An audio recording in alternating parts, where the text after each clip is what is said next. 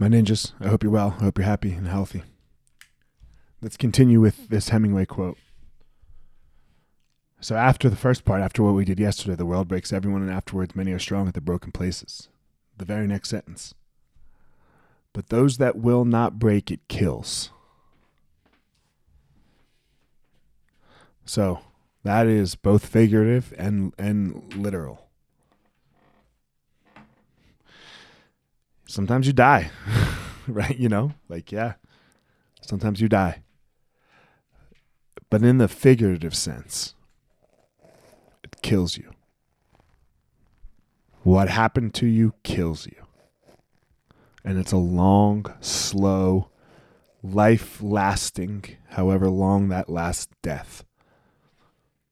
Where you're afraid, where you're stuck, where you don't know how to keep moving, where you don't know how to keep fighting, where you don't have the skills in place to become strong in the broken places.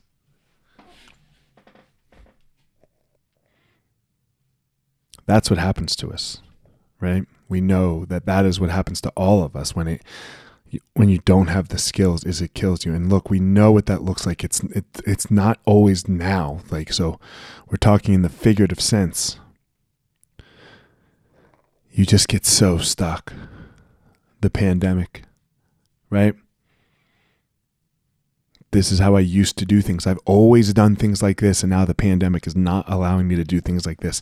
It's the pandemic's fault. It's the government's fault. It's the governor's fault. It's the president's fault. It's the racists' fault. It's the leftists' fault. You get into this blame game.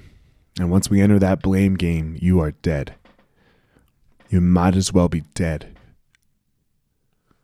because it's killing you. Exactly what it says. Because you don't know how to break and rebuild. You're grasping so hard that you don't know how to crumble and rebuild.